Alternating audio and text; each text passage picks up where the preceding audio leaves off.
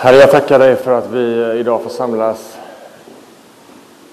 inför ditt ord, Herre. Jag ber att det ska bli en stund under ditt ord, där ditt ord får tala in i våra hjärtan och ge liv, hopp, frid, rättfärdighet, allt det som du har att ge, Herre. Jag ber att din helige Ande ska öppna upp våra hjärtan för dig. Jag ber att den helige Ande ska hålla mig i ditt grepp, Herre, så jag får tala ditt ord, här. Så att det blir till uppbyggelse, men också till frälsning och förvandling, Herre. I Jesu namn. Amen. Vi är ju i en serie som eh, eh Allan Emrén startade för två veckor sedan här, eh, där han talade om vetenskap och tro. Eh, och det är en del i en serie som vi kallar för de stora frågorna. Vad är det för stora frågor som man kan ställa sig när man möter den kristna tron? Eh, det kan också vara så att man har vuxit upp i kyrkan och sen så möter man universitetsvärlden eller sådär och man börjar ställa sig en annan typ av frågor. Så den här serien, de stora frågorna, så vill vi ställa några av de frågorna. Så vi har talat om vetenskap och tro och idag så ska jag tala om eh, temat Varför behövde Jesus dö? Och jag har tre barn eh, och på kvällarna så brukar man be natt, nattisbönen och efter man har gjort det, nattisbönen som vi säger, det är kvällsbön. Eh, och efter man har gjort det så är det liksom som att det händer någonting med barnen därför att de börjar prata som de aldrig gör annars. På dagarna är det fullt ös. Det finns liksom inte ens tid att berätta vad de åt för liksom lunch på, på liksom skolan. Men när man har liksom, ligger där i sängen så är det som att då är det ett gyllene tillfälle och det dyker upp massor av frågor och samtalsämnen. Och en fråga som har kommit upp flera gånger är just den här frågan. Varför behövde Jesus dö? Om nu Gud kan göra, jag vet ungefär de här orden, så, så har liksom, om nu Gud kan göra precis vad som helst, om han har all makt, varför behövde han då dö? Kunde han inte bara ha knäppt med fingrarna och så hade allting liksom blivit som han ville. Och det är en högst relevant fråga. Jag tror faktiskt att om vi ska vara lite ödmjuka, att det inte bara barn som ställer sig den här frågan, eller borde ställa sig den här frågan. Utan det är någonting som faktiskt vi har, som har varit kristna länge. Ja, ja, vi vet att han liksom dog för att förlåta våra synder, det vet vi. Men varför behövde han dö för att göra det?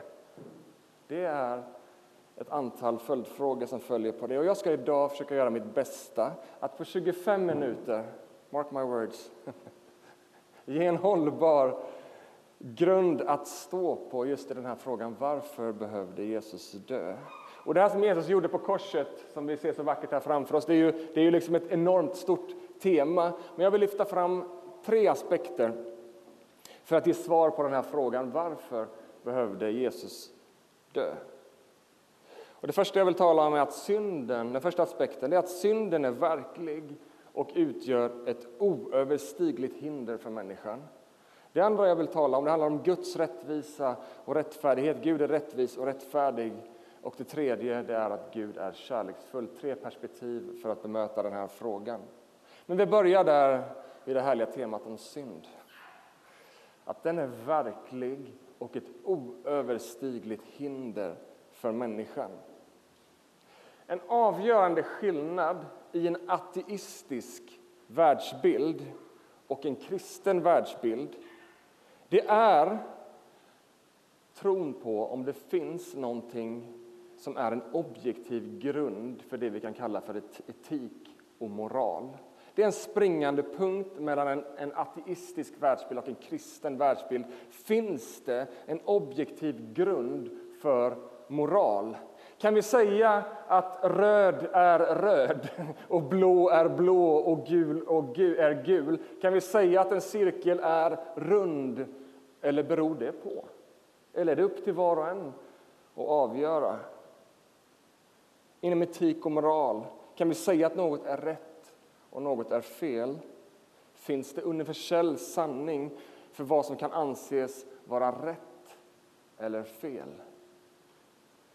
Därför att om det är så att om det inte finns någon gudomlig, någon liksom övernaturlig auktoritet bortom människan, om det inte finns någon auktoritet bortom människan, då blir ju frågan om rätt och fel bara en fråga om personliga åsikter. För en ateist så existerar, om man ska på riktigt, det är inte kanske alla ateister som har tagit liksom konsekvensen av sin position, men ska man ta konsekvensen av, att, av en ateistisk position så existerar därför inte begreppet synd, därför att ingen yttre måttstock finns för vad som är rätt och fel. Det finns inget över människan som kan säga vad som är rätt och fel. Och om Gud inte finns så borde ju heller inte någon åsikt vara bättre än någon annans åsikt. Hur ska jag kunna säga att min åsikt är bättre än din? Utan allas åsikt blir ju då lika rätt. Rätt och fel blir subjektivt. Men i en kristen världsbild så är synd objektivt. Rätt och fel existerar bortom vår personliga åsikt och bedömning. Och det är också så att som kristna så är detta faktiskt också ett argument, ett Guds argument, ett argument för att, Gud, att vi tror att Gud finns. Därför att jag tillhör i alla fall den kategorin som tror att det verkar finnas någon form av objektiv moral som finns nedlagt i mänskligheten. När vi tittar ut över världen, det verkar finnas någonting som man i de flesta kulturer anser vara rätt och vara fel. Var kommer då detta ifrån? Det kan en ateist inte besvara på. Därför tror man inte på det. Men det är faktiskt ett argument för Guds existens att det verkar finnas någonting i människan som talar om rätt och fel. I alla kulturer finns grundläggande moral och etik som i hög grad, notera att jag säger i hög grad, är universell. Självklart finns det skillnader. Men varifrån kommer, varifrån kommer människans känsla för rätt och fel, för gott och ont? Det finns ju många sådana saker som ligger där i människan. Mord, det är ju liksom i alla kulturer. Det är liksom någonting som i grund och botten är fel. Våldtäkt, att hålla på och peta på andras egendom, det vi kallar för stöld. I stora frågor likt de här då tror jag inte det är någon som vill vara artist. Då tror jag inte det är någon som tycker att men det här får vara upp till var och ens bedömning och tycka vad som är rätt och fel. Tycker du det är rätt att liksom stjäla din grannes bil så är det väl rätt. Jag menar, där tror jag vi är glada över att det finns någonting som säger att saker är rätt och fel. Därför att vi liksom ligger i linje med vad lagen säger. Därför att det finns någonting i människan som liksom tycker på det sättet. Och någon har sagt att det här med synd är faktiskt en av de saker som vi faktiskt empiriskt kan bevisa. Människor, för att inte säga alla, men många människor i varje fall, upplever någon form av konstant strid emot sin frid. Det finns någonting som hela tiden vill störa dig, någonting som hela tiden vill stjäla din glädje, någonting som hela tiden vill liksom få dig ur balans, någonting som hela tiden vill få dig att bli lite osund, någonting som hela tiden vill få dig att döma och bedöma andra och ha åsikter. Det finns någonting som vill störa din frid. Självhjälpsböcker, yoga, mindfulness, och man kan göra listan väldigt lång. Allt försöker att adressera tillvarons skevhet. Jag såg nu att i SVT-appen så har de börjat med liksom att man kan gå en kategori som är positiva nyheter. Därför att om du slår på det är liksom små klipp där de har hittat liksom någon liten anka eller någonting som, som blev räddad. Jag tycker det är jättehärligt, det är kul att de har uppmärksammat att när du slår på nyheterna i normala fall så får du leta efter positiva nyheter. Det finns en skevhet i världen som jag tror vi alla kan se.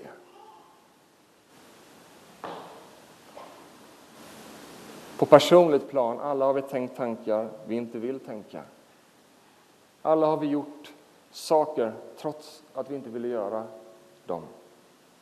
Vi har sårat dem vi älskar och vi väljer ibland det sämre trots att vi vet bättre. När vi tänker orena tankar när vi agerar orättfärdigt och girigt mot någon annan, när vi agerar på egoism och vi sätter oss själva i centrum och sätter oss själva före andra. Om du ska vara ärlig, vilka känslor skapar det inom dig? Är det liksom sådär, åh vad härligt att jag var sådär girig nu. och vad härligt att jag liksom eh, snodde den där liksom, eh, 20 som låg på bänken. På, det skapar inga goda känslor. Och då vill jag ställa en fråga. Är de känslorna bara arv och miljö? I så fall så borde vi jobba ganska hårt på att bli mer känslomässigt avtrubbade. Så att vi inte känner den där domen över det som vi upplever är fel. Men kanske finns det någonting annat. Kanske är det en disharmoni. Kanske är det den där disharmonin som finns mellan synden och Gud som i den där stunden gör sig påmind. Vad vill jag komma med det här?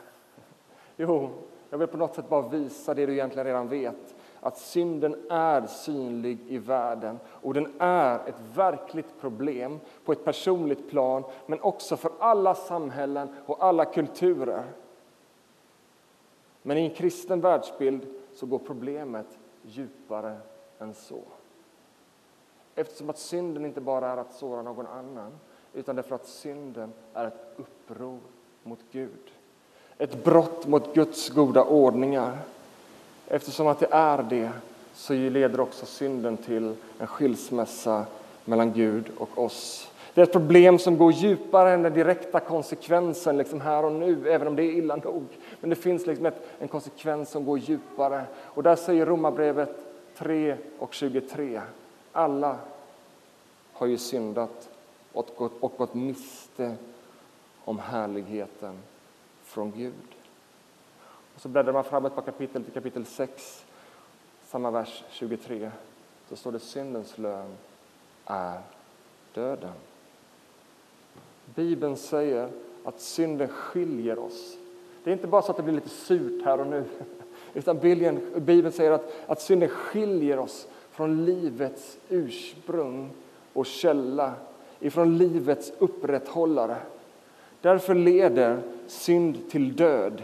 Inte att vi liksom bara dör på fläcken när man gör något dumt, men en andlig död och en fysisk död förr eller senare.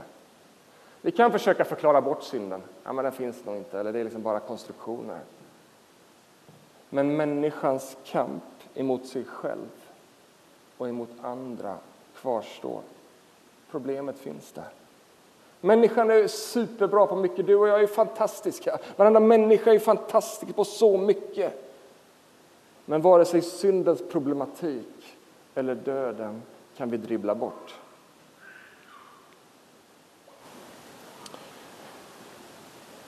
Synden är ett oöverstigligt hinder.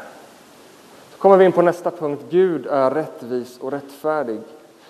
Det finns en världsberömd ateist. Hans namn är Richard Dawkins. Och han ställer sig exakt samma fråga som mina barn ställer sig i sin bok Illusionen om Gud. Han säger så här, om Gud vill förlåta synder, varför förlåter han dem då inte bara rakt av? Varför låter han sig torteras och avrättas för det? Utan en verklig insikt om syndens djupa problematik så kommer vi få en väldigt stora problem att förstå allvaret kring synden. Om synden står för allt ont i världen, om synden står för allt lidande och mörker och för all död, då är synden en allvarlig fråga. Någon någon behöver kliva in under mörkret in i lidandet, in under dödens herravälde för att övervinna dess makt. Och denna någon behöver både ha mandatet att representera hela mänskligheten för att segern ska kunna gälla alla. Denna någon behöver också ha den fullständiga makten över liv och död och ha makten över ondska och mörker.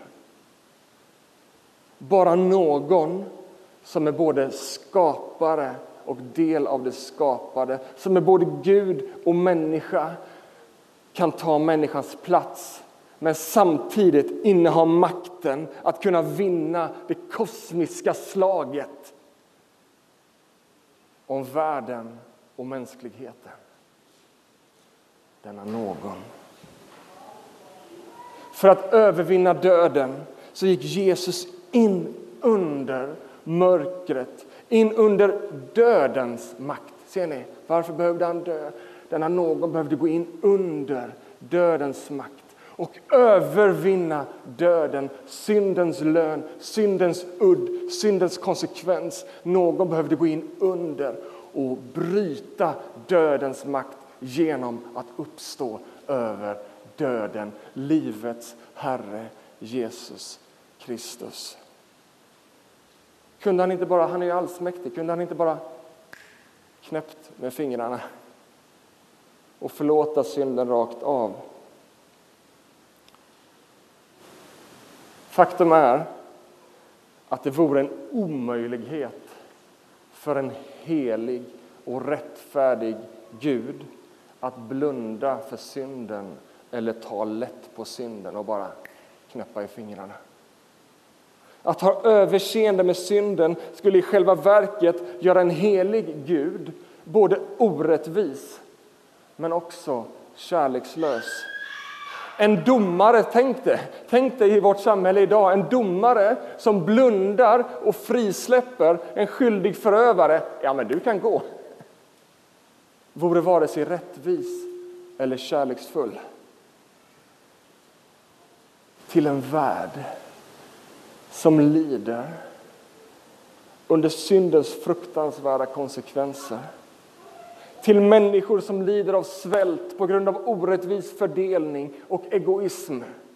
Till pojken som har blivit tvingad till barnsoldat och att göra de mest horribla saker mot sin vilja eller sitt samvete.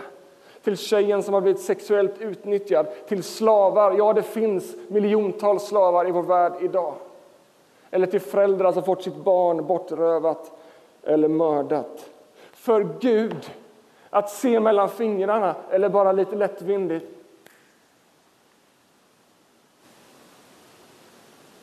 Låta synden gå ostraffad. Hur kan det uttrycka rättvisa eller kärlek? Sann kärlek reagerar mot orättvisa och orättfärdighet. Vad är det vi ser på korset? Det är kärleken som reagerar, det är kärleken som agerar. Syndens konsekvens det är brott mot livets källa. Därför är dess lön döden. Synden behöver hanteras, annars är hoppet ute för syndaren. Vi kan tycka att straffet är hårt. Gud, det är inte barmhärtigt. Vi kan tycka att straffet är hårt, men straffet är faktiskt också ett uttryck för hur dyrbart Gud värdesätter människan. Hur dyrbart Gud värdesätter dig och mig. Synden är människans fiende.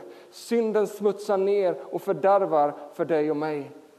Därför får synden det högsta straffet, för att Gud värderar oss så högt. Så det som fördärvar för oss, det är värt det högsta straffet. Genom Jesu död så visar Gud hur högt han älskar dig, hur högt han värdesätter dig och hur högt han värdesätter din renhet och din helhet. Och här också i detta, så vi kan tycka att det är så tuffa saker som händer. Men också här så är det som vi ser hur otrolig Gud är.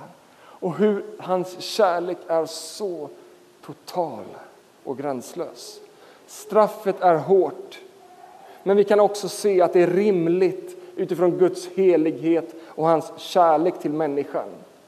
Guds kärlek sträcker sig längre och djupare. Och Gud själv går in och tar detta straffet. Han tar straffet och syndens lön. Det som var vårt, det som var människans, vår död, den bär han, Gud själv. Vi kan tycka straffet är hårt. Ja, det tyckte Gud också. Därför klev han in själv.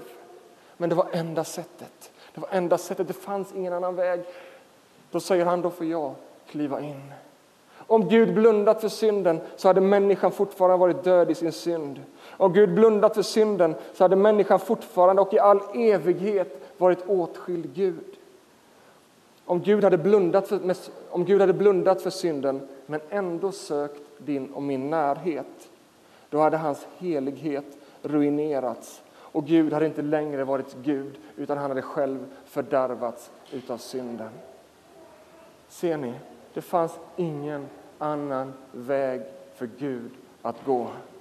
Hans helighet, hans rättvisa och hans rättfärdighet krävde ett straff över synden. Att blunda kunde inte vara ett alternativ. Han hade en brinnande längtan att vara nära dig och mig. Hans brinnande kärlek krävde en lösning. Och det finns en teolog som heter Brian Rossner. Han summerar den här verkligheten så bra. Nu blir det engelska här. At the cross we see not only God's love but the seriousness with which he takes our sin. Synden är allvarligt hinder. Men vi ser också Guds kärlek. På korset demonstrerade han sin helighet men också sin kärlek. Och Romarbrevet lyfter båda de här perspektiven som vi har hört. Gud lät honom, hans blod, offras till försoning för den som tror. Han ville genom detta visa sin rättfärdighet. På korset visar han sin rättfärdighet. Och nu i vår egen tid vill han visa sin rättfärdighet, att han är rättfärdig och gör den rättfärdig som tror på honom. Medan vi fortfarande var svaga dog Kristus vid rätt tidpunkt för det ogudaktiga. Men Gud bevisade hur mycket han älskade oss genom att han dog för oss medan vi fortfarande var syndaren. Ja, eller nej, han blundade inte för domen. Domaren förklarar en fällande dom. Men domaren själv kliver ner från sitt domarsäte och ställer sig på de dömdas plats. Han visar sin rättfärdighet genom att bära straffet, att inte lämna det ostraffat. Och han bevisar sin kärlek genom att bära domen. Sam Alberry, en annan teolog, säger att Jesus had to die not just because that, that's the only way we could be saved but because that is how much he loves us. Han var tvungen att dö, dö inte bara för att det var enda sättet att rädda oss utan också för att han ville bevisa sin kärlek. Jesus behövde dö för det fanns inget annat sätt att försona människan med sig. Han behövde dö för att sätta beviset i tid och rum att vi är djupt, djupt, djupt älskade och att den kärleken är orubblig och oföränderlig. Genom korset kan du veta, inte bara att du är frälst, inte bara att du är räddad, inte bara att du har evigt liv, utan att du är evigt, utan också att du är evigt älskad av honom. Den skaparen som från världens begynnelse har älskat dig. Som älskade sin skapelse, som skapade utifrån kärlek. Han kompromissade inte med sin helighet. Det hade inte hjälpt någon. Det hade inte fört oss tillbaka till det vi är skapade för. Att vara lika Gud, att leva i helighet, i kärlek, i rättvisa och rättfärdighet. Jesus gör det han måste för att vara trogen både sin helighet och sin kärlek och för att ge oss av kärlek och helighet. Därför behövde Jesus dö. Ta emot Guds gåva. Jag vet inte, det blir väl dramatiskt det här, men det är lite dramatiskt det som Jesus gör för oss. Men det jag hoppas är att du inte bara får med dig dramatik utan att du får med dig en känsla av att du är djupt, djupt, djupt, djupt älskad av himmelens skapare, av han som är från evighet till evighet. Han har i tiden bevisat sin kärlek till dig och han har räddat dig till att vara med honom i helighet, rättfärdighet och renhet för all evighet. Amen.